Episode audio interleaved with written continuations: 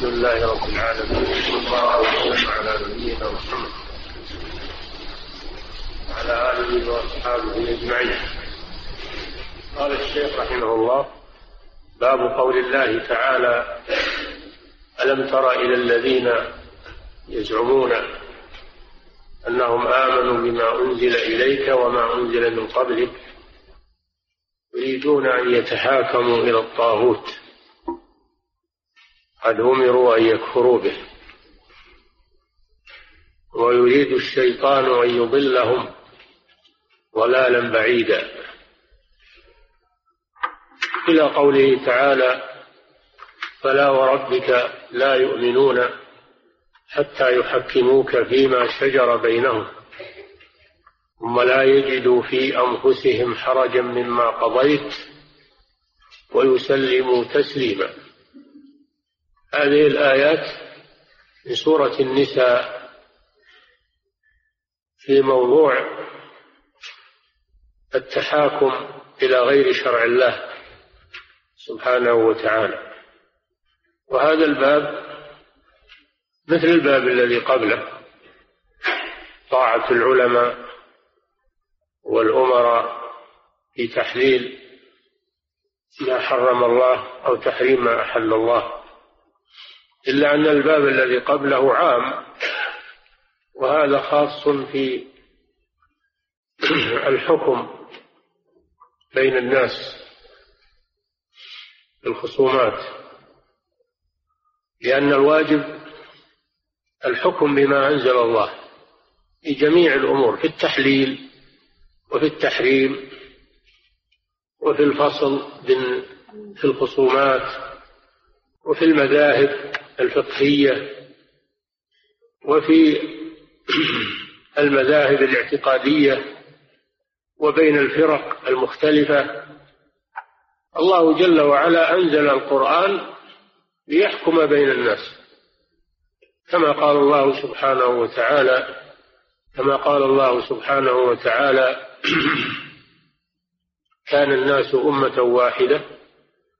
بعث الله النبيين مبشرين ومنذرين وأنزل معهم الكتاب بالحق ليحكم بين الناس فيما اختلفوا فيه.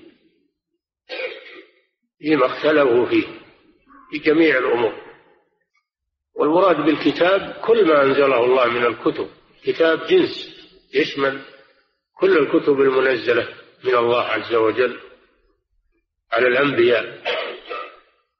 لا سيما القرآن ولا سيما القرآن العظيم. قال تعالى إنا أنزلنا إليك الكتاب لتحكم بين الناس بما أراك الله وأن يحكم بينهم بما أنزل الله ولا تتبع أهواءهم. الواجب على المسلمين أن يتحاكموا إلى كتاب الله فيما تنازعوا فيه في جميع الأمور. لأن الله أنزل الكتاب ليحكم بينهم فيما اختلفوا فيه. وهذا من حق الله على عباده فتحاكم إلى شرع الله عبادة لله عز وجل. وهو الذي من حقه أن يحلل ويحرم وأن يحكم بين الناس. هذا من حق الرب سبحانه وتعالى. إن الحكم إلا لله. أمر أن لا تعبدوا إلا إياه. ألا له الخلق والأمر. الخلق هو التدبير و والأمر هو التشريع. فالذي له الخلق هو الذي له الأمر. وليس للمخلوق أمر. الأمر لله سبحانه وتعالى. والذي يشرع لعباده ويحكم بينهم. فالحكم بما أنزل الله عبادة لله عز وجل. وأيضا هو راحة للخلق يقطع النزاع بينهم. وهو حكم, وهو حكم عدل لا يجور أبدا لأنه حكم رب العالمين لا يجور أبدا. وبه يقتنع الناس وتزول آه، خصوماتهم فهو ينهي ينهي النزاعات وينهي الخصومات بين المؤمنين. كان جماعة من الناس ادعوا الإسلام لما رأوا قوة الإسلام وأنهم لا حيلة لهم في التخلص منه. لما رأوا أنهم لا لا حيلة لهم في التخلص من الإسلام وأنهم إن لم يدخلوا في الإسلام فإنهم سيقتلون. لما رأوا عزة الإسلام وانتشار الإسلام وقوة الإسلام لجأوا إلى النفاق. فأظهروا الإسلام وهم باقون على على الكفر في باطن أمورهم. فسموا بالمنافقين سموا بالمنافقين. هؤلاء لا يريدون التحاكم إلى ما أنزل الله. لا يريدون حكم الله عز وجل. يحاولون التخلص منه. فأنزل الله فيهم هذه الآيات. بدر منهم بوادر لا يريدون التحاكم إلى الشريعة الإسلامية. إنما يريدون التحاكم إلى غيرها. من الأنظمة والقوانين. والعوايد القبلية وأحكام الجاهلية تحاكم إلى إلى الكهان كما كانوا في الجاهلية يريدون هذه الأمور. تهربون من من حكم القرآن حكم الرسول صلى الله عليه وسلم. فأنزل الله على رسوله ألم تر إلى الذين يزعمون أنهم آمنوا بما أنزل إليك وما أنزل من قبلك يريدون أن يتحاكموا إلى الطاغوت. قد أمروا أن يكفروا به. ألم ترى هذا خطاب للرسول صلى الله عليه وسلم؟ الهمزة للاستفهام التقريري أي قد رأيت قد رأيت ما صنعه المنافقون. هم يريدون أن يتحاكموا إلى الطاغوت والطاغوت المراد به الحكم بغير ما أنزل الله. وكل حكم بغير ما أنزل الله فهو حكم الطاغوت سواء سمي قانونا أو سمي نظاما أو سمي رسوما قبلية أو غير ذلك. كله طاغوت. مأخوذ من الطغيان وهو مجاوزة الحد. فالذي يحكم بغير ما أنزل الله قد تجاوز الحد الذي هو الشرع. خرج عن الحد الشرعي.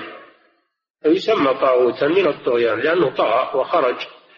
يريدون أن يتحاكموا إلى الطاغوت إلى النظم إلى القوانين إلى عوائد البادية إلى إلى العارفة اللي يسمونها العارفة أو العوارف عند القبائل. هذا كله طاغوت. يريدون أن يتحاكموا إلى الطاغوت. وقد أمروا أن يكفروا به. الله جل وعلا أمر بالكفر بالطاغوت والإيمان بالله. من يكفر بالطاغوت ويؤمن بالله فقد استمسك بالعروة الوثقى. وهذا هو معنى لا إله إلا الله. الكفر بالطاغوت والإيمان بالله. قد أمروا أن يكفروا به. لا يصح لأحد إيمان إلا إذا كفر بالطاغوت. أما إذا قال لا الطاغوت صحيح الحكم الناس بهواهم يتحاكمون إلى إلى الشرع أو يتحاكمون إلى القانون أو يتحاكمون إلى عادات القبائل وسلوم القبائل كلهم بهواهم. ولا هو ما هو الأمر بهواهم؟ هم, هم عباد مدبرون ومأمورون. الحكم إلى إلى كتاب الله وإلى سنة رسول الله صلى الله عليه وسلم. يريدون أن يتحاكموا إلى الطاغوت. وقد أمروا أن يكفروا به لكنهم لم يكفروا به. لما أرادوا التحاكم إليه معنى أنهم لم يكفروا به. ويريد الشيطان أن يضلهم ضلالا بعيدا. الشيطان الذي هو شيطان الجن وهو رأس الطواغيت. رأس الطواغيت الشيطان كما قال الإمام ابن القيم الطواغيت كثيرون ورؤوسهم خمسة. إبليس لعنه الله ومن عبد وهو راض ومن دعا الناس إلى عبادة نفسه ومن ادعى علم الغيب ومن حكم بغير ما أنزل الله. هؤلاء هم رؤوس الطواغيت. وقوله ويريد الشيطان أن يضلهم أن يبعدهم يبعدهم عن الحق. لأن الشيطان لا يريد لبني آدم الخير أبدا يريد أن يخرجهم من الخير إلى الشر. ويريد الشيطان أن يضلهم ضلالا بعيدا. وليس ضلالا قريبا بل يبعدهم نهائيا عن الحق بحيث لا يرجعون إليه. ما يكتفي الشيطان بالضلال اليسير؟ وإنما يريد لبني آدم الضلال البعيد الذي لا يتمكنون معه من الرجوع إلى الحق. هذا الذي يريده لهم. فشياطين الإنس والجن لا يريدون أن المسلمين يتحاكمون إلى الشرع وإنما يريدون الحكم بغير ما أنزل الله ويدعون إلى ذلك. يدعون إلى ذلك. دائما وابدا. هذا ديدنهم. ومنهم المنافقون الذين ادعوا الإسلام ظاهرا وهم على الكفر باطنا ولهذا قال يزعمون يزعمون أنهم آمنوا. والزعم هو الكذب. فهم يدعون أنهم آمنوا ولكنهم كاذبون في ذلك. وإنما يزعمون زعما فقط. فهذا فيه دليل على أن من يريد التحاكم إلى الطاغوت أنه ليس بمؤمن. وإن قال إنه مؤمن فهذا زعم كاذب. يزعمون أنهم آمنوا بما أنزل إليكم القرآن ما أنزل من قبلك وهو الكتب السابقة. يريدون أن يتحاكموا إلى الطاغوت وهو غير ما أنزل الله سبحانه وتعالى. وقد أمروا أن يكفروا. وسيأتي تفسير الآية في آخر الباب. قد أمروا أن يكفروا به ويريد الشيطان أن يضلهم ضلالا بعيدا. وإذا قيل لهم تعالوا إلى ما أنزل الله وإلى الرسول إذا أمروا بالتحاكم إلى القرآن والسنة رأيت المنافقين الذين يدعون الإيمان وهم كاذبون. يصدون عنك صدودا. يصدون يعني يعرضون. يعرضون عن من يدعوهم إلى الكتاب والسنة. وهذا ليس خاصا في المخاصمات بل هو عام في كل ما تنازع فيه الناس. إذا قيل للمخالف سواء خلاف في الفقه أو الخلاف في العقيدة أو الخلاف في المقالات أو المناهج أو الأحزاب. إذا قيل للمخالفين تعالوا إلى ما أنزل الله وإلى الرسول. رأيت المنافقين يصدون عنك صدود يعرضون إعراضا كاملا. وصفهم الله أولا قال يزعمون. وهذا تكذيب لهم في دعواهم الإيمان. وثانيا وصفهم الله بالمنافقين. والمنافق هو الذي يدعي الإسلام وهو كافر في في قرارة نفسه. وسيأتي تفسير هذه الآية. يعني سبب نزول. يأتي سبب نزول هذه الآية في آخر الباب. نعم. وقوله وإذا قيل لهم لا تفسدوا في الأرض قالوا إنما نحن مصلحون. وإذا قيل لهم أي للمنافقين. إذا قيل للمنافقين لا تفسدوا في الأرض بالمعاصي والشرك. والحكم بغير ما أنزل الله هذا فساد في الأرض. المعاصي فساد الشرك فساد. الحكم بغير ما أنزل الله فساد في الأرض. فسمى الله ذلك فسادا في الأرض. لا تفسدوا في الأرض. قالوا إنما نحن مصلحون. ما يتراجعون يقولون صح صحيح أننا أخطينا أو أو يتوبون. بل يصرون ويدعون أن ما هم عليه هو الصلاح. نحن مصلحون في الأرض.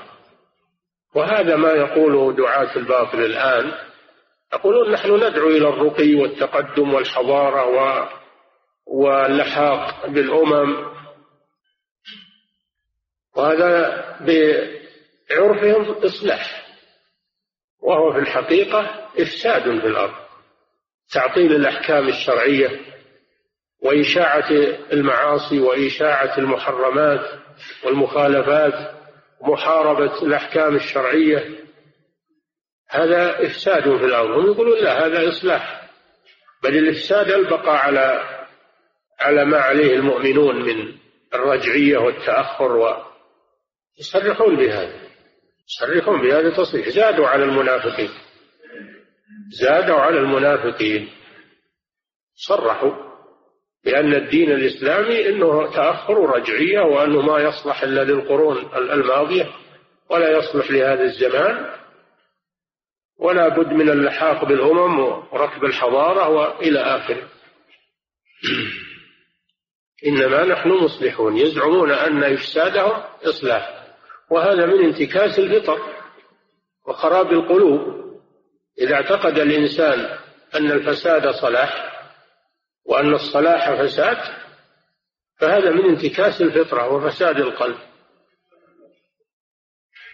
ولا حول ولا قوة إلا بالله. إنما نحن مصلحون. رد الله عليهم بقوله ألا إنهم هم المفسدون. حصر الفساد فيهم. حصر الفساد فيهم. ألا إنهم هم المفسدون. هم المفسدون. ولكن لا يشعرون.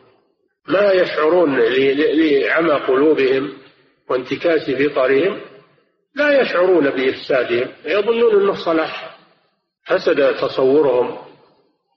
فصاروا يعتقدون الحق باطلا والباطل حقا. نعم. وقوله ولا تفسدوا في الأرض بعد إصلاحها. قال الله تعالى ولا تفسدوا في الأرض. بالمعاصي والكفر والشرك بعد إصلاحها بإرسال الرسل وإنزال الكتب والطاعات. فصلاح الأرض هو بهذه الأمور.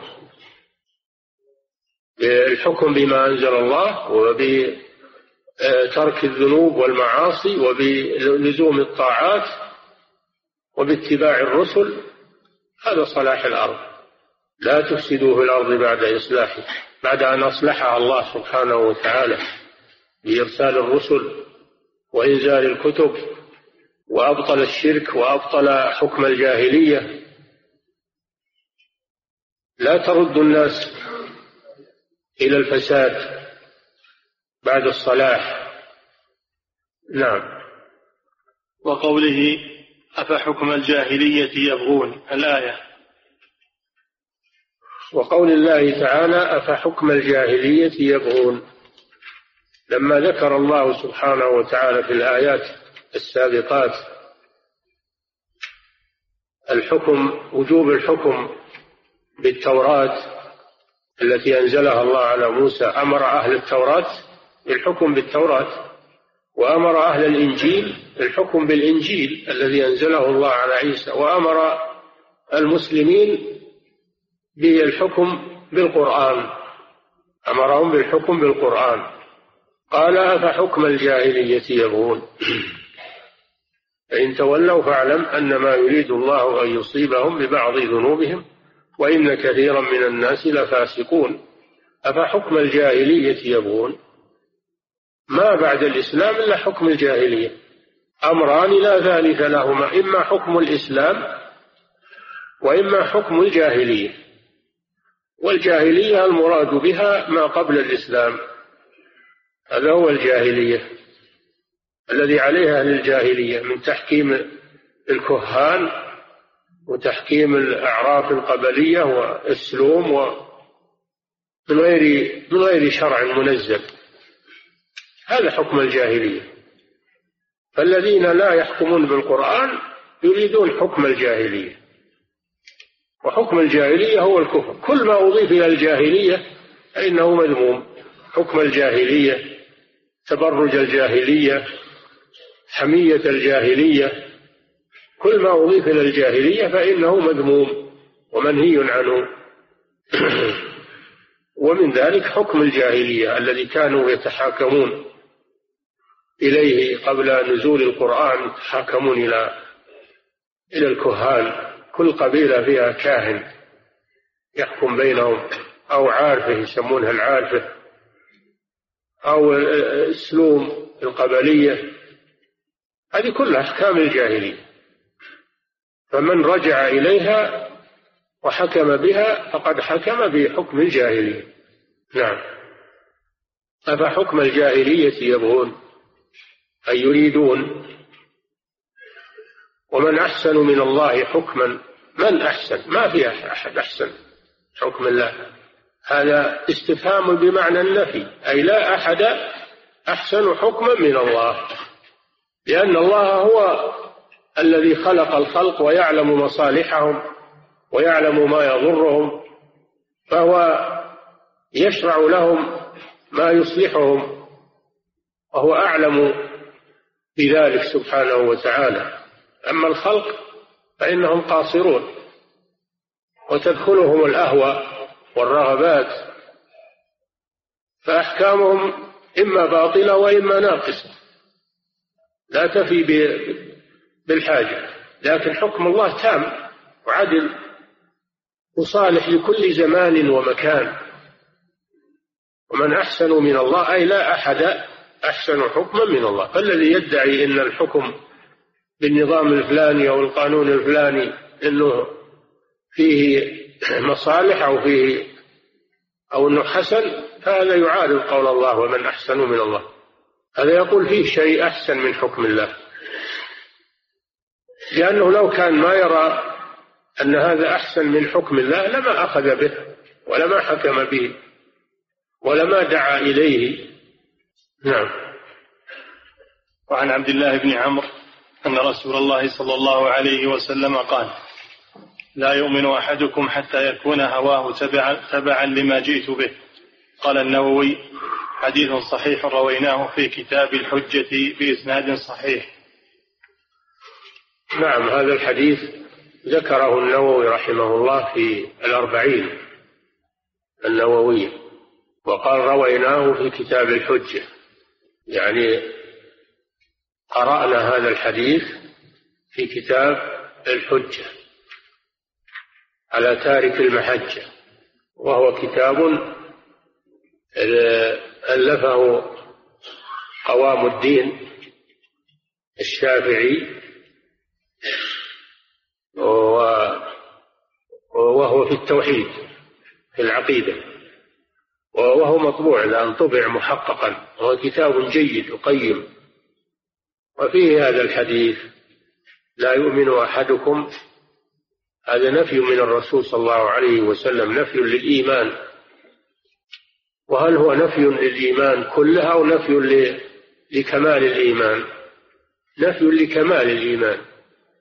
نفي لكمال الإيمان.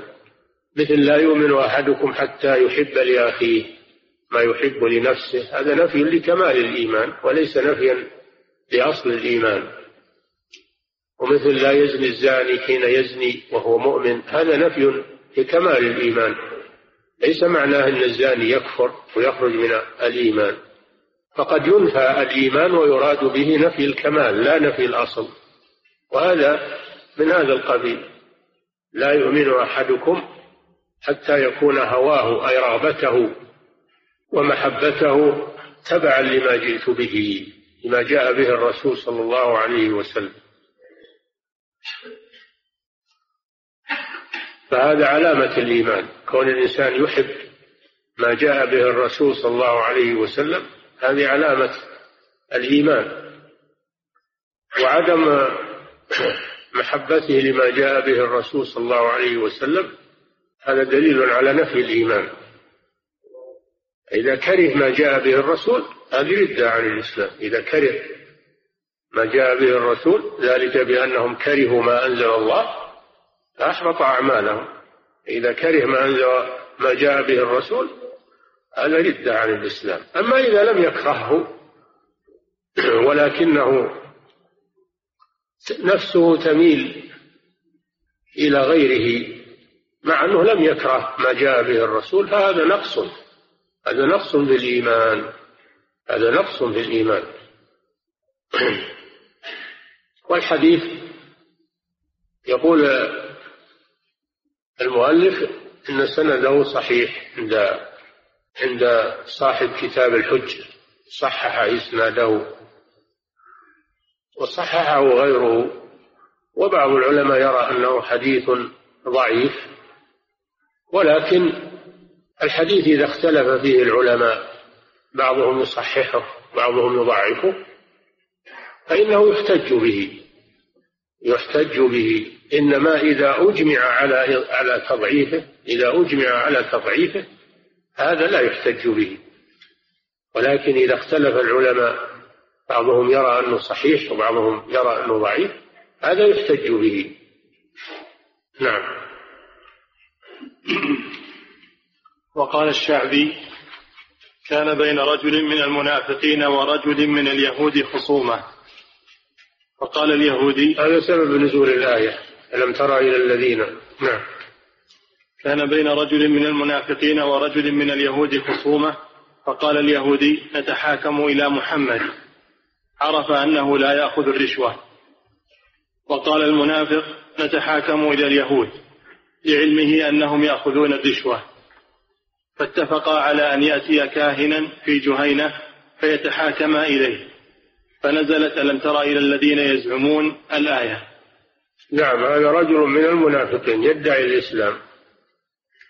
ورجل من اليهود لم يدخل في الإسلام بل هو على دين اليهودية. حصل بينهم بينهما نزاع. فقال اليهودي نتحاكم إلى محمد لأنه يعلم أن محمد صلى الله عليه وسلم لا يأخذ الرشوة إنما يحكم بالحق.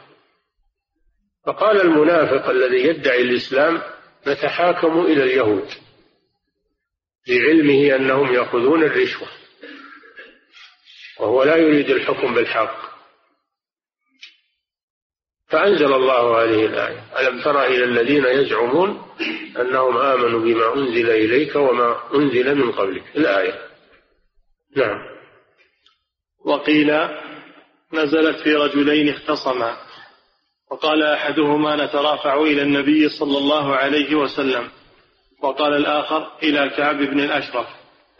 ثم نعم. ترافعا إلى عمر.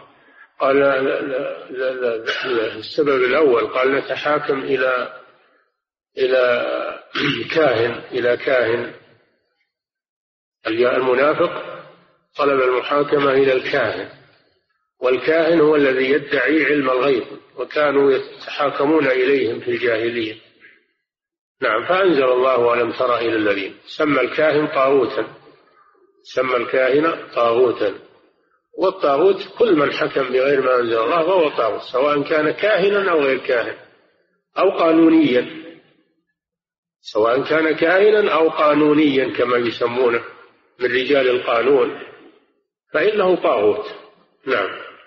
وقيل نزلت في رجلين اختصما. وقال أحدهما نترافع إلى النبي صلى الله عليه وسلم. وقال الآخر إلى كعب بن الأشرف. ثم يهودي. كعب بن الأشرف اليهودي. الخصم الألد لرسول الله صلى الله عليه وسلم. الذي شاق الرسول صلى الله عليه وسلم. أعظم المشاق. قال أحدهما نتحاكم إليه. إلى كعب بن الأشرف اليهودي. سماه الله طاغوتا. سمى الله كعب بن الأشرف طاغوتا. لأنه يحكم بغير ما أنزل الله. نعم. ثم ترافع إلى عمر. ثم قرر رأيهم على أن يترافع إلى عمر بن الخطاب رضي الله عنه. نعم. فذكر له ما هم رايحين للرسول. هذا كله مراوغة ما هم رايحين للرسول صلى الله عليه وسلم. نعم. فذكر له أحدهما القصة فقال للذي لم يرضى برسول الله صلى الله عليه وسلم أكذلك؟ قال نعم. فضرب فضربه بالسيف فقتله. نعم. لما ذهب إلى عمر رضي الله عنه وذكر له القصة وأنه وأن هذا الشخص لا يريد التحاكم إلى الرسول صلى الله عليه وسلم عمر لم يصدق الخصم بل بل استنطق المتهم. هل هذا صحيح أنك ما تريد الحكم عند رسول الله صلى الله عليه وسلم؟ قال نعم. حينئذ ثبتت ردته. ثبتت ردته. فقتله عمر رضي الله عنه. فأنزل الله هذه الآية ألم ترى إلى الذين يزعمون أنهم آمنوا بما أنزل إليه وما أنزل من قبل على كل حال سواء نزلت في السبب الأول أو في السبب الثاني أو فيهما جميعا. يمكن أن أن الآية يكون لها أكثر من سبب. فتكون الآية نزلت في الاثنين. نعم. قوله باب قول الله تعالى ألم تر إلى الذين يزعمون أنهم آمنوا بما أنزل إليك وما أنزل من قبلك يريدون أن يتحاكموا إلى الطاغوت وقد أمروا أن يكفروا به. الآية قال العماد بن كثير والآية دامة لمن عدل عن الكتاب والسنة وتحاكم إلى ما سواهما من الباطل. عام يعني هذا عام لكل من عدل عن الكتاب والسنة وتحاكم إلى الباطل سواء في الخصومات بين الناس أو في المذاهب أو في المقالات أو غير ذلك. كل خصومة. يجب أنه يرجع فيها إلى الكتاب والسنة. قال تعالى فإن تنازعتم في شيء فردوه إلى الله والرسول. في شيء يعني في أي شيء. نعم. بعض الناس بعض الناس يرى أن المراد بالتحاكم إلى الشرع المراد به التحاكم في الخصومات فقط. التحاكم في الخصومات. في المحاكم الشرعية. وهذا جزء من المطلوب ليس هو كل المطلوب. المطلوب أن يتحاكم إلى الشرع في كل شيء في العقائد في الأقوال الفقهية في الأقوال الاعتقادية في أي خصام وأي نزاع. يتحاكم إلى الشرع. إن تنازعتم في شيء فردوه إلى الله والرسول. في شيء يعني أي شيء. نعم. والآية ذامة لمن عدل عن الكتاب والسنة وتحاكم إلى ما سواهما من الباطل. وهو إلى ما سواهما من الباطل. سواء تحاكم إلى القوانين والنظم أو تحاكم إلى العوائد أو إلى الكهان أو إلى العوارف اللي يكونون في القبائل. نعم. وتحاكم إلى ما سواهما من الباطل وهو المراد بالطاغوت ها هنا. نعم. وكل من عبد شيئا دون الله بأي نوع كان من أنواع العبادة كالدعاء والاستغاثة فإنما عبد الطاغوت. نعم. وعبد الطاغوت كما قال الله جل وعلا قل هل ننبئكم بشر من ذلك مثوبة عند الله من لعنه الله وغضب عليه وجعل منهم القردة والخنازير وعبد الطاغوت أو عبد الطاغوت. فالذي يعبد غير الله قد عبد الطاغوت. فإن كان هذا الذي عبده راضيا بذلك فالمعبود طاغوت لأنه دعا رضي بأن يعبد من دون الله. وإن كان لم يرضى بذلك فإن فإن الطاغوت هو الشيطان الذي أمره بذلك. ولا يكون المعبود طاغوتا وهو لم يرضى بذلك. من الناس من عبد الملائكة. ومنهم من عبد الأنبياء ومنهم من عبد الأولياء والصالحين وهم لا يرضون بذلك فلا يقال إنهم طواغيت وإنما يقال عبدوا الشيطان الذي أمرهم بذلك. نعم. فإن كان المعبود صالحا كانت عبادة العابد له واقعة على الشيطان الذي أمره بعبادته وزينها له. أي نعم. والمعبود لا يكون طاغوتا وهو لم يرضى بذلك. وكان ينهى عن ذلك في حياته لا يسمى طاغوت لكن يقال عبد الطاغوت يعني الشيطان لأنه هو الذي أمره بذلك. نعم. كما قال تعالى ويوم نحشرهم جميعا ثم نقول للملائكة ويوم؟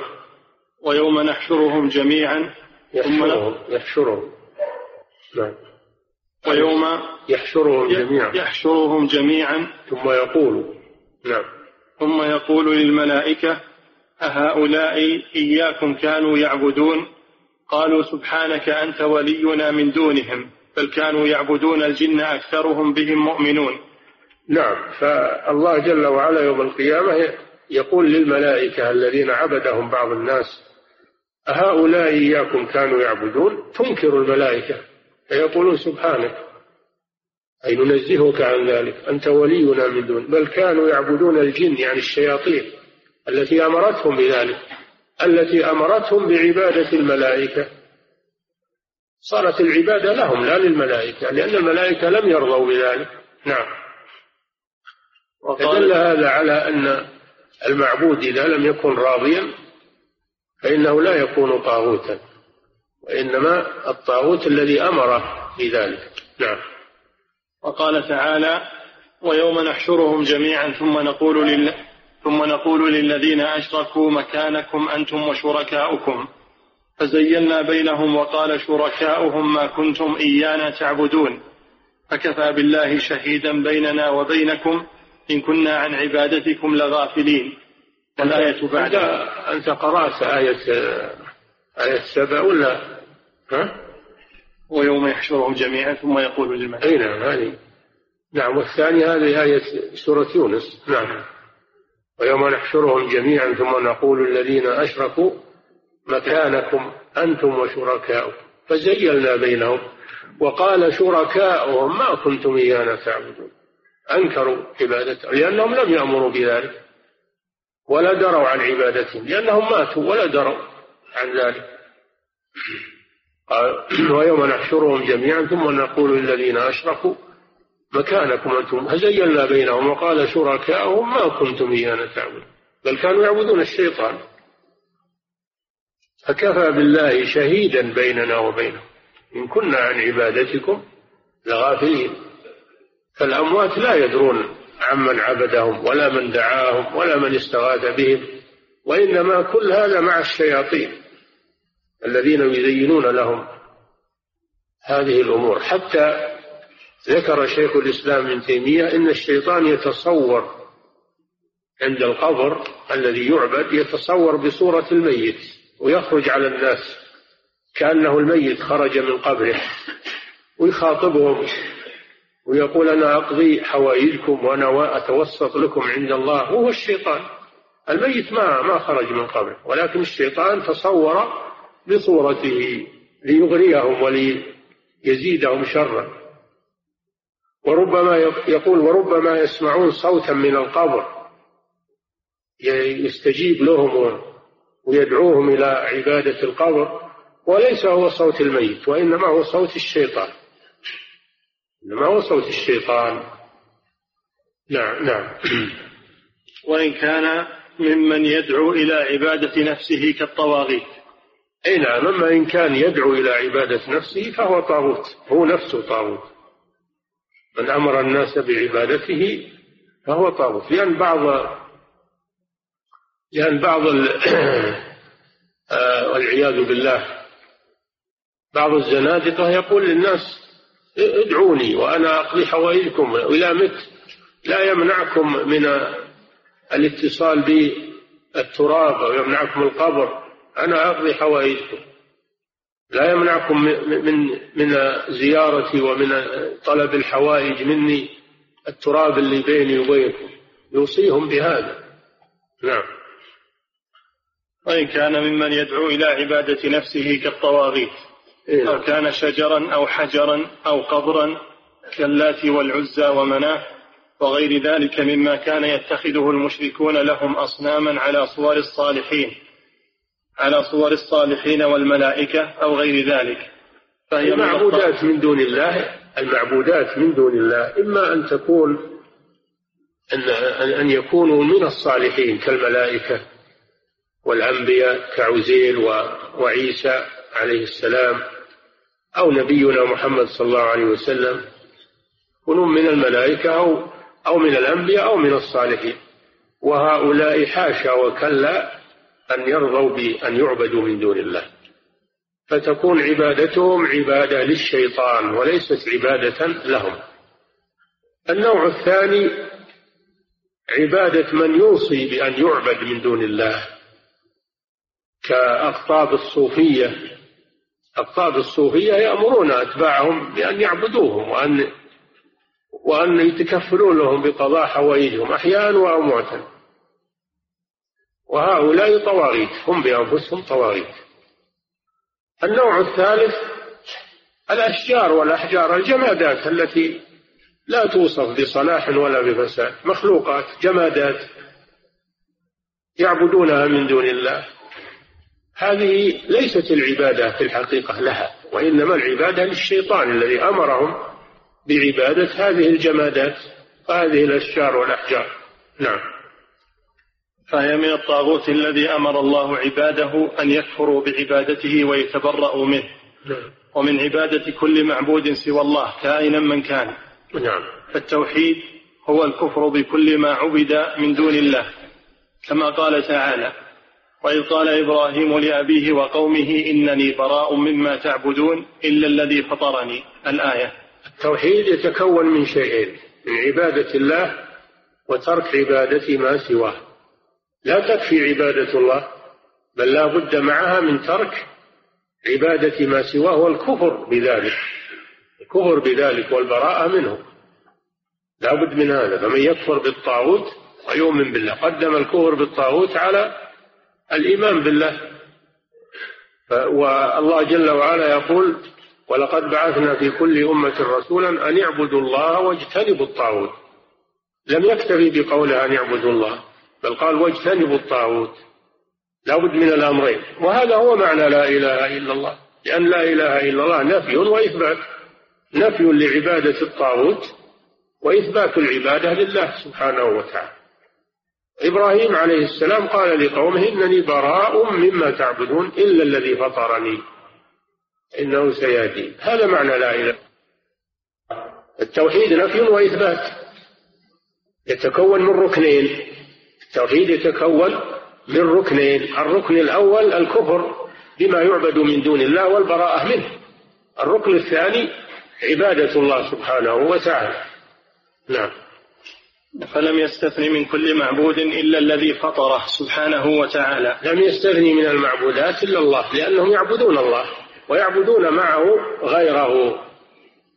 إبراهيم عليه السلام تبرأ من كل معبود مع الله واستثنى الله وحده. إلا الذي فطرني يعني خلقني وهو الله. نعم.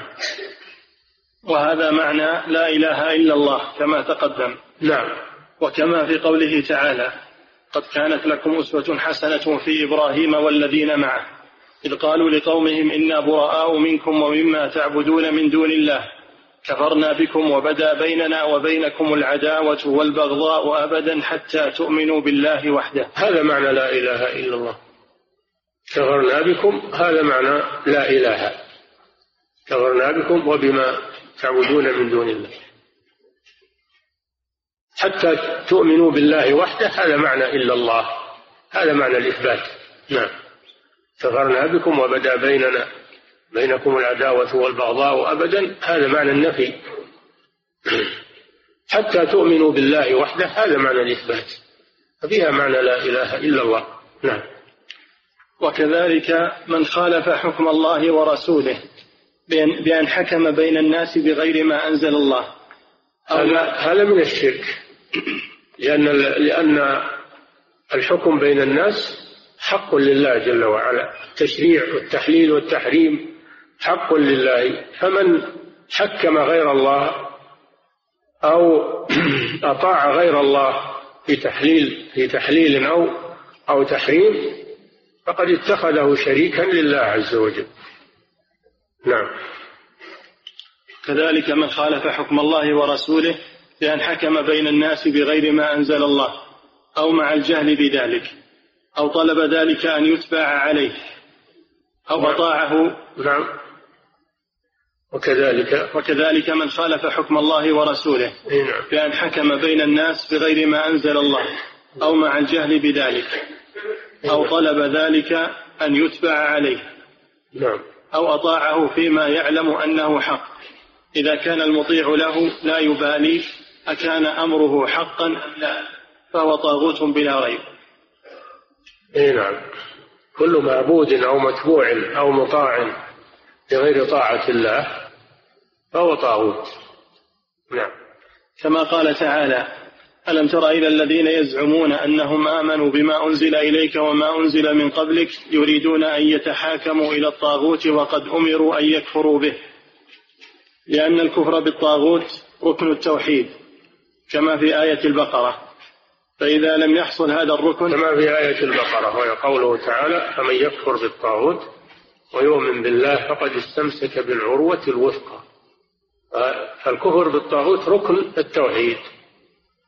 التوحيد على ركنين. على ركنين الكفر بالطاغوت والإيمان بالله. نعم. لأن الكفر بالطاغوت ركن التوحيد كما في آية البقرة. فإذا لم يحصل هذا الركن لم يكن قد نفى ما نفته لا إله إلا الله. قوله إذا لم يحصل الكفر بالطاغوت لم يكن نفى ما نفته لا إله إلا الله. نعم من عبادة غير الله. نعم. قوله ويريد الشيطان أن يضلهم ضلالا بعيدا أي بعيدا عن الهدى. ففي الآية أربعة أمور. نعم. الأول أنه من إراد أنه من إرادة الشيطان. نعم أن الحكم بغير ما أنزل الله من إرادة الشيطان. نعم. الثاني أنه ضلال. الثاني أنه ضلال يضلهم. نعم. الثالث تأكيده بالمصدر.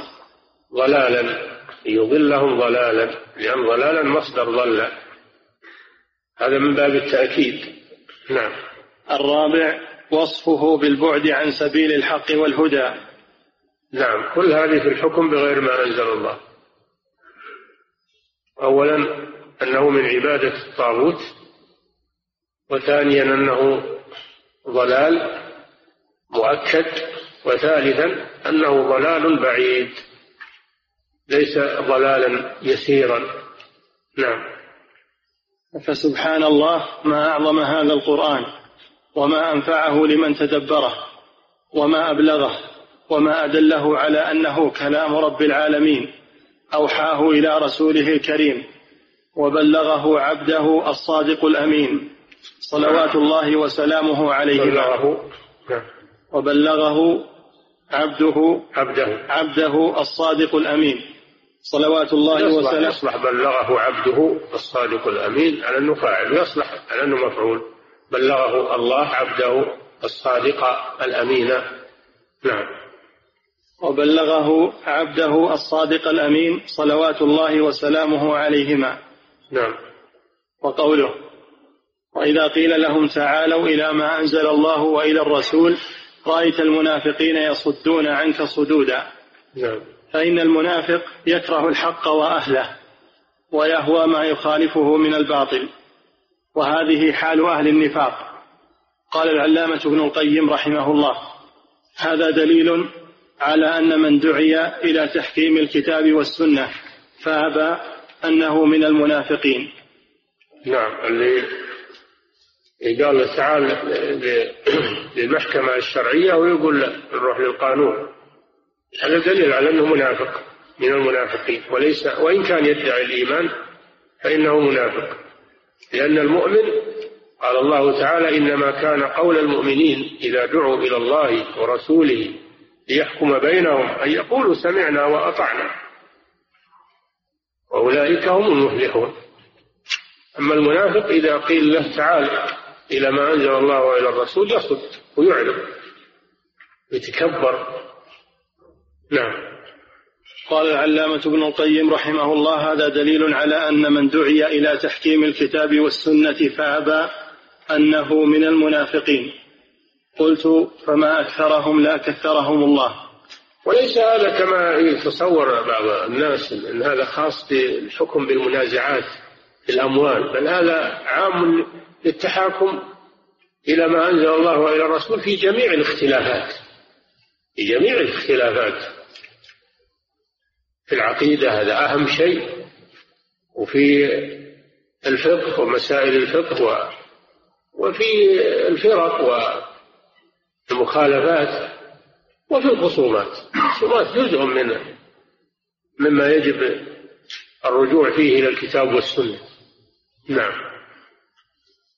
قال ويصدون لازم وهو بمعنى يعرضون لأن يصدون فعل لازم يعني غير متعدي.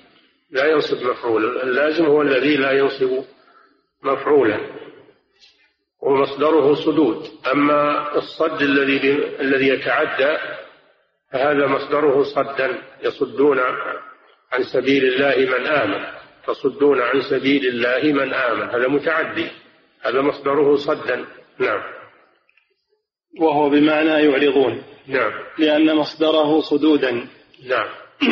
فما أكثر من اتصف بهذا الوصف خصوصا من يدعي العلم. فإنهم من يدعي العلم. كثير ممن يدعون العلم ما ما يقبلون. إذا قلت لهم تعالوا للدليل تعالوا للدليل ما يقبلون هذا بل يصرون على على خلافهم على ما قاله أشياخهم وقادتهم. وإذا قيل لهم هذا خلاف الدليل ما يعبرون بهذا. هذا من التعصب والعياذ بالله. نعم وهم علماء أو طلبة علم ما هم عوام. هذه المشكلة. الحين لو تقول لعباد القبور أو عباد الأضرحة وهم يدعون الإسلام وفيهم علماء كبار تقول لهم تعالوا نعرض هذه المسألة التي اختلفنا فيها على كتاب الله وعلى سنة رسول الله ونصدر عن حكم الله ورسوله. ما يقبلون هذا. ولا يطيعون. بل يبقون على ما هم عليه. هذا علامة النفاق والعياذ بالله. رأيت المنافقين يصدون عنك صدودا. إذا كان واحد أخذ بفتوى بفتوى سمعها أو قرأها توافق هواه وفرح له لا له تعال نشوف نعرضها على الكتاب والسنة. هل الفتوى صحيحة ولا ما هي صحيحة؟ ما يقبل منك. يقول فلان أبخص فلان عالم وخلاص. هذه مصيبة يعني مصيبة جدا. نعم. فما أكثر من اتصف بهذا الوصف خصوصا من يدعي العلم. فما أكثر هؤلاء. نعم. فإنهم صدوا عما توجبه الأدلة من كتاب الله وسنة رسوله صلى الله عليه وسلم إلى أقوال من يخطئ كثيرا. ممن ينتسب إلى مذهب من مذاهب من المذاهب الأربعة في تقليدهم من لا يجوز تقليده فيما يخالف الدليل. فصار المتبع للرسول صلى الله عليه وسلم بين أولئك غريبا. وقد عمت البلوى بهذا. تعصب للمذاهب هذه مشكلة. تعصب للمشايخ تعصب للقادة. هذه مشكلة كبيرة. الواجب على المسلمين ألا يكون لهم قدوة إلا رسول الله صلى الله عليه وسلم. لا يكون لهم قدوة غير الرسول صلى الله عليه وسلم. هذا هو الواجب. وأن يصدروا عن قول الله وقول رسوله. ولا يقبل قول أحد يخالف كتاب الله وسنة رسوله. هذا هو الواجب. وما فرق الناس هذا التفرق وفرق المسلمين هذا التفرق إلا التعصب للمذاهب والآراء والأقوال.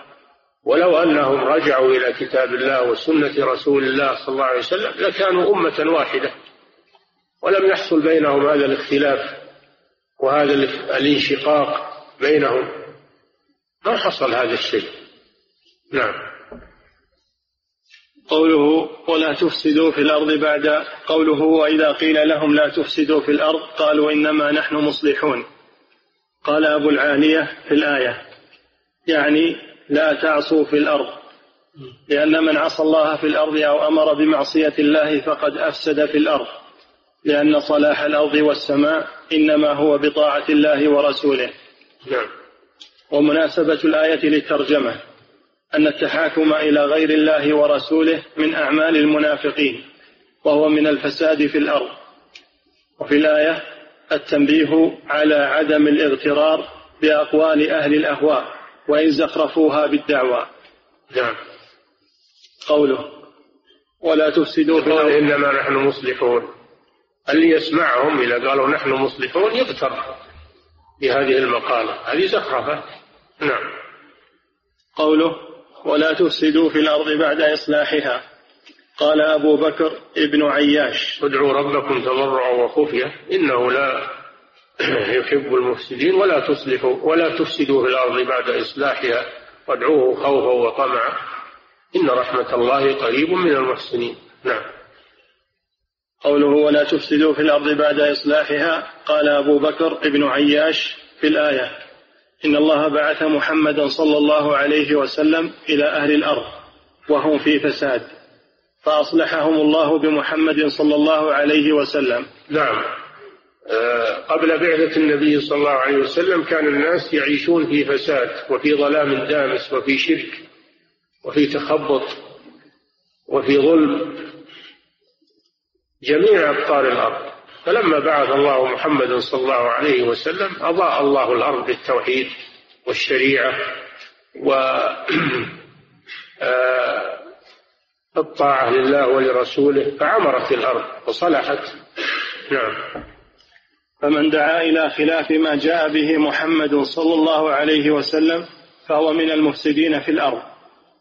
كل من دعا إلى ما يخالف الشرع فهو من المفسدين في الأرض وإن زعم أنه من المصلحين وأنه يريد التقدم والحضارة والرقي وإلى آخره.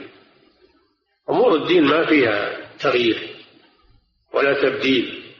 أما أمور الدنيا والصناعات والأشياء هذه لا بأس. الناس يأخذون الأحسن والأصلح في كل زمان. هذه أمور صناعة وأمور أمور عادية. ما هي عبادات ولا هي آه، شرع.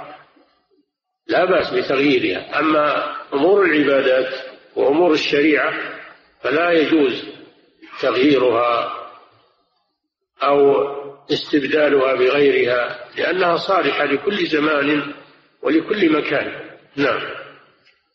قال ابن القيم قال أكثر المفسرين لا تفسدوا فيها بالمعاصي والدعاء إلى غير طاعة الله نعم. بعد, بعد, بعد إصلاح الله إياها ببعث الرسل وبيان الشريعة والدعاء إلى طاعة الله فإن عبادة غير الله والدعوة إلى غيره والشرك به هو أعظم فساد في الأرض نعم. بل فساد الأرض في الحقيقة إنما هو بالشرك نعم. والدعوة إلى غير الله وإقامة معبود غيره ومطاع ومتبع غير رسول الله صلى الله عليه وسلم هو أعظم الفساد في الأرض.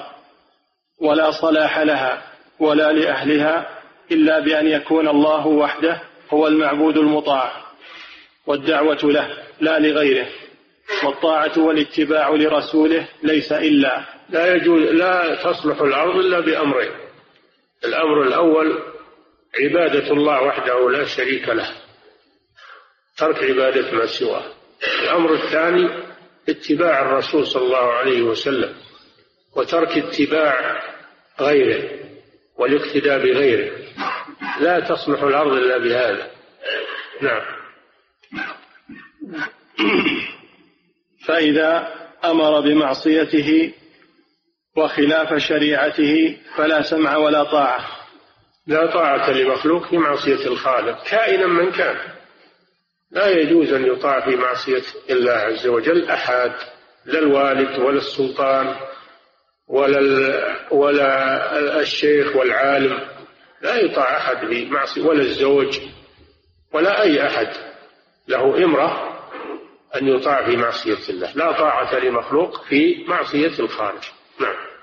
والطاعة والاتباع لرسوله ليس إلا وغيره إنما تجب طاعته إذا أمر بطاعة الرسول صلى الله عليه وسلم. فإذا طاعة العلماء وطاعة ولاة الأمور إذا أمروا بطاعة الله ورسوله إنهم تجب طاعتهم. أما إذا أمروا بمعصية فلا تجوز طاعتهم. نعم. فإذا أمر بمعصيته وخلاف شريعته فلا سمع ولا طاعة ومن تدبر أحوال العالم وجد كل صلاح في الأرض فسببه توحيد الله وعبادته وطاعته وطاعة رسوله. وكل فتنة في العالم وبلاء وشر وقحط وتسليط عدو وغير ذلك فسببه مخالفة رسوله. والدعوة إلى غير الله ورسوله. انتهى. خذ مثلا هذه البلاد. كانت قبل دعوة الشيخ كانت في أمر مريج من الفتن والظلم وتسلط الناس بعضهم على بعض واختلاف الكلمة وعدم الاستقرار وعدم الأمن وضيق المعيشة. فلما جاء الشيخ رحمه الله ودعا الناس إلى توحيد الله ووجد أتباعا اتبعوه على ذلك صلحت هذه البلاد وأمنت ودرت عليها الأرزاق واجتمعت كلمتها وزال الخلاف. هذا مثال. لماذا؟ لأن دعوة الشيخ موافقة لما جاء به الرسول صلى الله عليه وسلم. موافقة لما جاء به الرسول. فطاعة العلماء إذا وافقوا قول الرسول أمر واجب. أما إذا خالفوا قول الرسول فلا. نعم.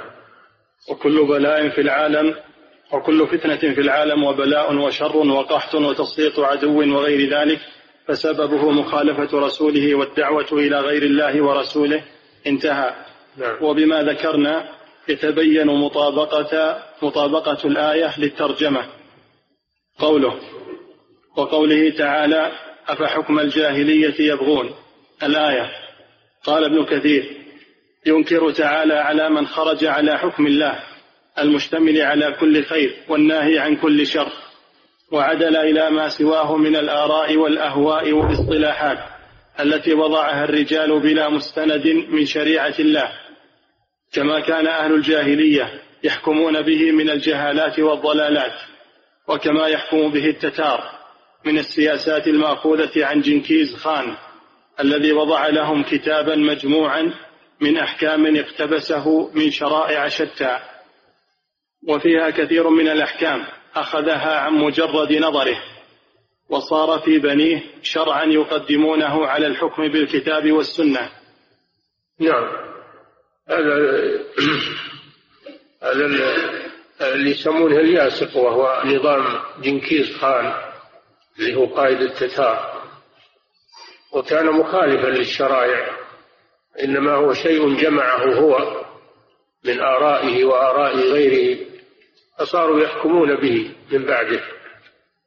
ومثله اليوم القوانين قانون القانون الفرنسي الذي هو السائد في كثير من البلاد. القانون الفرنسي هذا مثل مثل الياسق اللي هو آه، نظام جنكيز خان.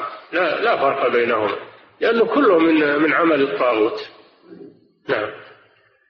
ومن فعل ذلك فهو كافر يجب قتاله حتى يرجع إلى حكم الله ورسوله. نعم. فلا يحكم بسواه في قليل ولا كثير. قوله ومن أحسن من الله حكما لقوم يوقنون. استفهام إنكار أي لا حكم أحسن من حكمه. وهذا من باب استعمال أفعال التفضيل فيما ليس له في الطرف الآخر مشارك. أي نعم هذا ليس معناه أن أفعال التفضيل هنا يقولون ليس على بابه بمعنى أن فيه أن فيه طرفين أحدهما أحسن من الآخر. بل ليس فيه إلا طرف واحد وهو حكم الله. فقوله ومن أحسن هذا معناه النفي أي لا أحد لا أحد أحسن حكما من حكم الله سبحانه وتعالى. نعم. أي ومن أعدل من الله حكما لمن عقل عن الله شرعه. نعم. وآمن وأيقن أنه تعالى أحكم الحاكمين. وأرحم بعباده من الوالدة بولدها. العليم بمصالح عباده. القادر على كل شيء. الحكيم في أقواله وأفعاله. وشرعه وقدره. نعم. قوله وعن عبد الله بن عمرو أن رسول الله صلى الله عليه وسلم قال لا يؤمن أحدكم حتى يكون هواه تبع تبعا لما جئت به. قال النووي حديث صحيح رويناه في كتاب الحجة بإسناد صحيح. هذا الحديث رواه الشيخ أبو الفتح نصر, نصر ابن إبراهيم المقدسي الشافعي. في كتاب الحجة على تارك المحجة بإسناد صحيح كما قال المصنف عن عن النووي ورواه الطبراني وأبو بكر ابن عاصم والحافظ أبو نعيم في الأربعين التي شرط لها أن تكون في صحاح الأخبار وشاهده في القرآن. قال يعني, يعني أول شيء أن هذا لم يجمع على ضعفه بل فيه من صححه وثانيا أنه يشهد له القرآن. وهذا مما يقويه نعم. وشاهده في القرآن. قال تعالى فلا وربك لا يؤمنون حتى يحكموك فيما شجر بينهم ثم لا يجدوا في أنفسهم حرجا مما قضيت ويسلموا تسليما. هذا ثم لا يجدوا في أنفسهم حرجا مما قضيت. هذا يوافق حتى يكون هواه تبعا لما جئت به. فإذا كان هواه ليس تابعا لما جاء به الرسول فقد وجد في نفسه حرجا. قد وجد في نفسه حرجا وتحرجا. نعم. وقوله وما كان لمؤمن ولا مؤمنة إذا قضى الله ورسوله أمرا أن يكون لهم الخيرة من أمرهم. نعم. ويشهد له أيضا قوله وما كان لمؤمن ولا مؤمنة إذا قضى الله ورسوله أمرا أن يكون لهم الخيرة من أمرهم. وهذا معناه أنه لا يبقى في نفسه حرج. نعم. وقوله فإن لم يستجيبوا لك فاعلم أنما يتبعون أهواءهم. كذلك تشهد له الآية الثالثة فإن لم يستجيبوا لك. هذا خطاب للرسول صلى الله عليه وسلم. فاعلم أنما يتبعون أهواءهم. يعني ولم يكن هواهم تبعا لما جاء به الرسول وإنما اتبعوا أهواءهم ما يرغبونه هم. نعم. ونحو هذه الآيات. قوله حتى يكون هواه تبعا لما جئت به. الهوى بالقصر أي ما تهواه وتحبه نفسه. فإن كان الذي يحبه وتميل إليه نفسه ويعمل به تابعا لما جاء به الرسول صلى الله عليه وسلم لا يخرج عنه إلى ما يخالفه فهذه صفة أهل الإيمان المطلق. نعم. الذي يوجب لصاحبه الجنة والنجاة من النار. وإن كان بخلاف ذلك أو في بعض أحواله أو أكثرها انتفى عنه من الإيمان كماله الواجب. فيطلق عليه مؤمن بقيد لنقص إيمانه بالمعصية. يعني أن قوله صلى الله عليه وسلم لا يؤمن ليس معناه نفي الإيمان. الكامل بل نفي الإيمان من أصله يعني يكفر بذلك لا. لكن لا لا يكون إيمانه تاما. فهو نفي لتمام الإيمان وكمال الإيمان. نعم. كما في حديث أبي هريرة رضي الله عنه لا يزني الزاني حين يزني وهو مؤمن ولا يزني كامل الإيمان. ليس معناه أن الزاني يكفر ويخرج من الملة. نعم. ولا يسرق السارق حين يسرق وهو مؤمن.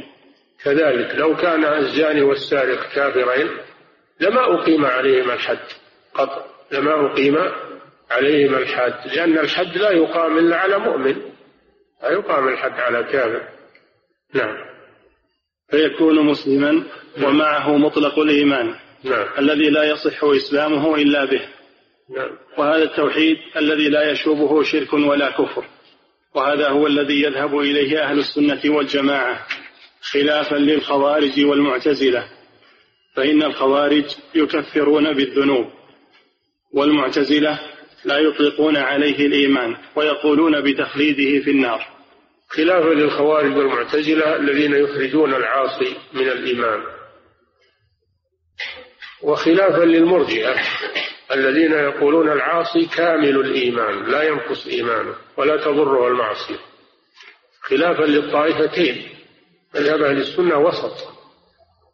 لا يعطونه الإيمان الكامل كما تقوله المرجئة ولا يسلبونه الإيمان بالكلية كما تقوله الخوارج. بل يقولون إنه مؤمن ناقص الإيمان. نعم. وكلا الطائفتين ابتدع في الدين وترك ما دل عليه الكتاب والسنة. نعم. فقد قال الله تعالى إن الله لا يغفر أن يشرك به ويغفر ما دون ذلك لمن يشاء. هذا رد على الخوارج اللي يكفرون بالكبيرة. الله جل وعلا قال ويغفر ما دون ذلك أي الشرك لمن يشاء. دل على أنه لا يكفر وأنه تحت المشيئة قابل للمغفرة. نعم. فقيد مغفرة ما دون الشرك بالمشيئة نعم. وتواترت الأحاديث بما يحقق ما ذهب إليه أهل السنة. وقد أخرج البخاري وغيره عن أنس رضي الله عنه عن النبي صلى الله عليه وسلم قال يخرج من النار من قال لا إله إلا الله وفي قلبه وزن شعيرة من خير. ويخرج من النار من قال لا إله إلا الله وفي قلبه وزن قرة من خير. ويخرج من النار. من قال لا إله إلا الله وفي قلبه وزن ذرة من خير. نعم وهذا هو المؤمن ناقص الإيمان. ما بقي من إيمانه إلا قدر ذرة. قدر ذرة. هذا يخرج من النار. إذا دخل يخرج منها ولا يخلد فيه. أدل على أنه ليس بكافر لأنه لو كان كافر ما خرج من النار. لو كان كافرا لخلد في النار. أدل على أن الإيمان وإن كان ضعيفا فإنه ينفع صاحبه يوم القيامة ولا يخلد في النار. إنما يخلد في النار من ليس في قلبه إيمان أصلا. هذا هو الذي يخلد في النار. هذا في رد على الخوارج. نعم. قوله وقال الشعبي كان بين رجل من المنافقين وبين رجل من اليهود خصومة. فقال اليهودي فقال اليهودي نتحاكم إلى محمد عرف أنه لا يأخذ الرشوة. وقال المنافقون نتحاكم إلى اليهود لعلمه أنهم يأخذون الرشوة. فاتفقا على أن يأتي كاهنا في جهينة فيتحاكم إليه. فنزلت ألم تر إلى الذين يزعمون أنهم آمنوا بما أنزل إليك؟ الآية. يعني الآية ما نزلت في اليهود. اليهودي كافر إنما نزلت في المنافق اللي يدعي الإيمان. يدعي الإيمان. نعم. وقيل نزلت في رجلين اختصما فقال أحدهما نترافع إلى النبي. وقال الآخر إلى كعب بن الأشرف. ثم ترافعا إلى عمر فذكر له أحدهما القصة. فقال للذي لم يرضى برسول الله صلى الله عليه وسلم أكذلك؟ قال نعم. فضربه بالسيف فقتله. قوله لأنه أصبح مرتدا. يريد أن يتحاكم إلى غير الرسول صلى الله عليه وسلم ولا يرضى بحكم الرسول هذا مرتد. يجب قتله. نعم. قوله قال الشعبي هو عامر بن شراحيل الكوفي وتقدم. قدم ترجمته في في باب آه، من يدخل الجنة بلا حساب من حقق التوحيد دخل الجنة بلا حساب ولا عذاب. نعم. وفي قصة عمر وقتله المنافق الذي طلب التحاكم إلى كعب بن الأشرف دليل على أن من قتل من على دليل على قتل من أظهر الكفر والنفاق. نعم. وكان كعب بن الأشرف هذا شديد العداوة للنبي صلى الله شديدة. وكان كعب بن الأشرف هذا شديد العداوة للنبي صلى الله عليه وسلم والأذى له والإظهار لعداوته فانتقض به عهده. كان من اليهود وكان اليهود لهم عهد. كان اليهود لهم عهد. لكن كعب بن الأشرف هذا نقض العهد وهو من زعمائهم. فأمر النبي صلى الله عليه وسلم بقتله. نعم. فانتقض به عهده وحل به قتله. نعم. وقصة قتله مذكورة في كتب الأحاديث والسير وغيرها. نعم. يقول فضيلة الشيخ وفقكم الله. هناك بعض الأمور التي يرجع فيها للعادات والأعراف في الفقه فكيف يطلق على كل شيء بأنه جاهلي مع أنه قد يؤخذ به في بعض الأحيان؟ الذي أمر الله أو الرسول صلى الله عليه وسلم بالرجوع فيه إلى العرف لا بأس.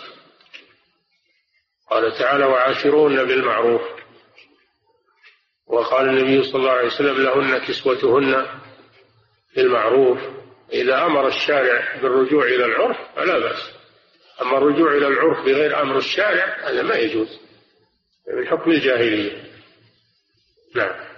يقول فضيلة الشيخ وفقكم الله كيف نفرق بين بين الصلح الجائز وبين الحكم الطاغوتي؟ علما بأن هذا يحصل كثيرا في قبائلنا. الصلح الجائز هو الذي ليس فيه إلزام.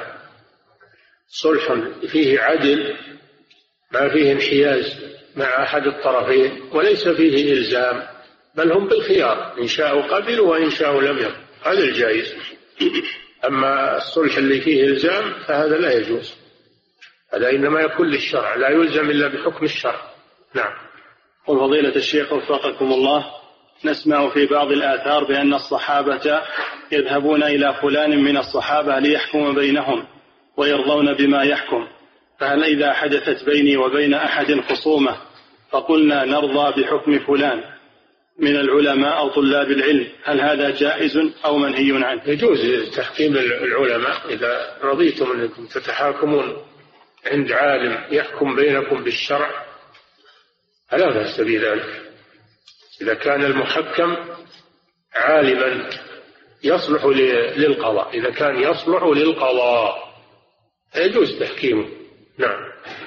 وفضيلة الشيخ وفقكم الله الحكومات التي تحكم القوانين الوضعية في معظم الشؤون هل تكفر كفرا مباحا مخرجا من الملة؟ بواحا. هل تكفر كفرا بواحا مخرجا من الملة؟ أم أنه كفر أصغر إذا لم يستحلوا ذلك؟ هذا فيه تفصيل عند العلماء إذا استحلوا أو قالوا أنه لا بأس ومتساوي سواء بالشريعة أو بالقانون كله سواء. هذا كفر أكبر يخرج من الملة وأما إذا حكم بغير ما أنزل الله في بعض القضايا تبعا لرشوة أعطيها أو لهوى نفسه فهذا مرتكب لكبيرة ولم يستحل. ويعلم أنه مخالف لحكم الله ولكن فعل هذا لشهوة أو لرشوة فقط. وهو يعلم أنه مجرم وأنه حاكم بغير ما أنزل الله ويعترف بأنه مذنب. فهذا يعتبر مرتكب لكبيرة. أما اللي يقول كله سواء أو أو الحكم بالقانون أحسن من حكم الشريعة أو متساوي هذا كفر أكبر يخرج من الملة. لأنه سوى بين حكم الله وحكم غيره أو قال إن حكم غير الله أحسن من حكم الله. هذا لا شك في كفر هذا بالإجماع كامل. كذلك الذي يزيح الشريعة نهائيا يزيح الشريعة نهائيا ويحل محلها القانون. هذا دليل على أنه يرى أن هذا أحسن من الشريعة. هذا لا شك في كفره أيضا. نعم. يقول فضيلة الشيخ وفقكم الله انطلاقا من قول الله سبحانه ومن يتولهم منكم فإنه منهم. هل يؤخذ بأن من تولى اليهود والنصارى أنه كافر كفرا كفرا بواحا؟ هذه القاعدة لكن يا إخوان تطبيق القواعد يحتاج إلى فقه ويحتاج إلى بصيرة. ما هو إذا عرفت قاعدة من القواعد تطبقها على كل الأحوال تحكم به وأنت ما عندك بصيرة ولا عندك علم. الآن في ناس يتخبطون في هذه الأمور. ويكفرون الناس. يحكمون عليهم بالكفر. ويقولون لأن القاعدة كذا ولأن فلان قال كذا. هذا ما يجوز. هذا لأهل العلم وأهل البصيرة. هم اللي يطبقون القواعد. وهم الذين يصدرون الأحكام. ما هم من من حق العوام أو من حق طلبة العلم المبتدئين أو من حق المتعالمين اللي ما أخذوا العلم عن أهله يصدرون الأحكام ويكفرون الناس. هذا لا يجوز. الحاصل أن هذا يحتاج إلى تطبيق من أهل العلم وأهل البصيرة. نعم. يقول فضيلة الشيخ وفقكم الله يذكر عن فضيلتكم أنه قد ذكر في الأنترنت أنكم ترون أن الجهاد فرض عين في هذا الوقت. فما صحة ذلك حفظكم الله. هذا كذب. هذا كذب. واللي قاله كذاب. الجهاد لابد له من إمام. لابد له من إمام يأمر بصلاحيات الإمام. الأمر بالجهاد. إذا أمر إمام المسلمين بالجهاد نحن نجاهد معه تحت راية مسلمة. أما الفوضى وأما التخريب وأما الأشياء ذي ما هي بجهاد هذه؟ هذه شر وفتنة. نعم. يقول فضيلة الشيخ وفقكم الله يأخذ بعض الناس قروضا ربوية من بعض البنوك ويحصل بينه وبين البنك خصومة فيطلب إحالته للمحكمة الشرعية؟ نعم.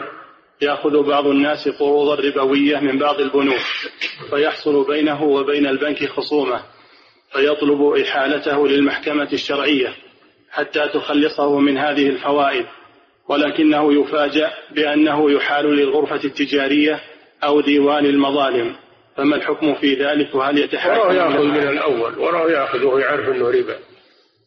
هذا دليل على أنه ما طلب المحكمة إلا لأجل يتخلص تحيل على الناس. وكونه أقدم على هذا من الأول وهو يعلم أنه ربا. هذا مجرم. هذا مجرم ويجب أنه يعاقب على فعله هذا. أما أنه يتحيل بالناس وبعدين يقول يلجأ إلى الحكم الشرعي لا لأجل الاعتقاد لأن هذا هو الواجب بل لأجل يتخلص من من المبلغ هذا. هذا محتال ويجب أنه يؤدب على هذا على هذا التصرف. نعم. سبحانك اللهم وبحمدك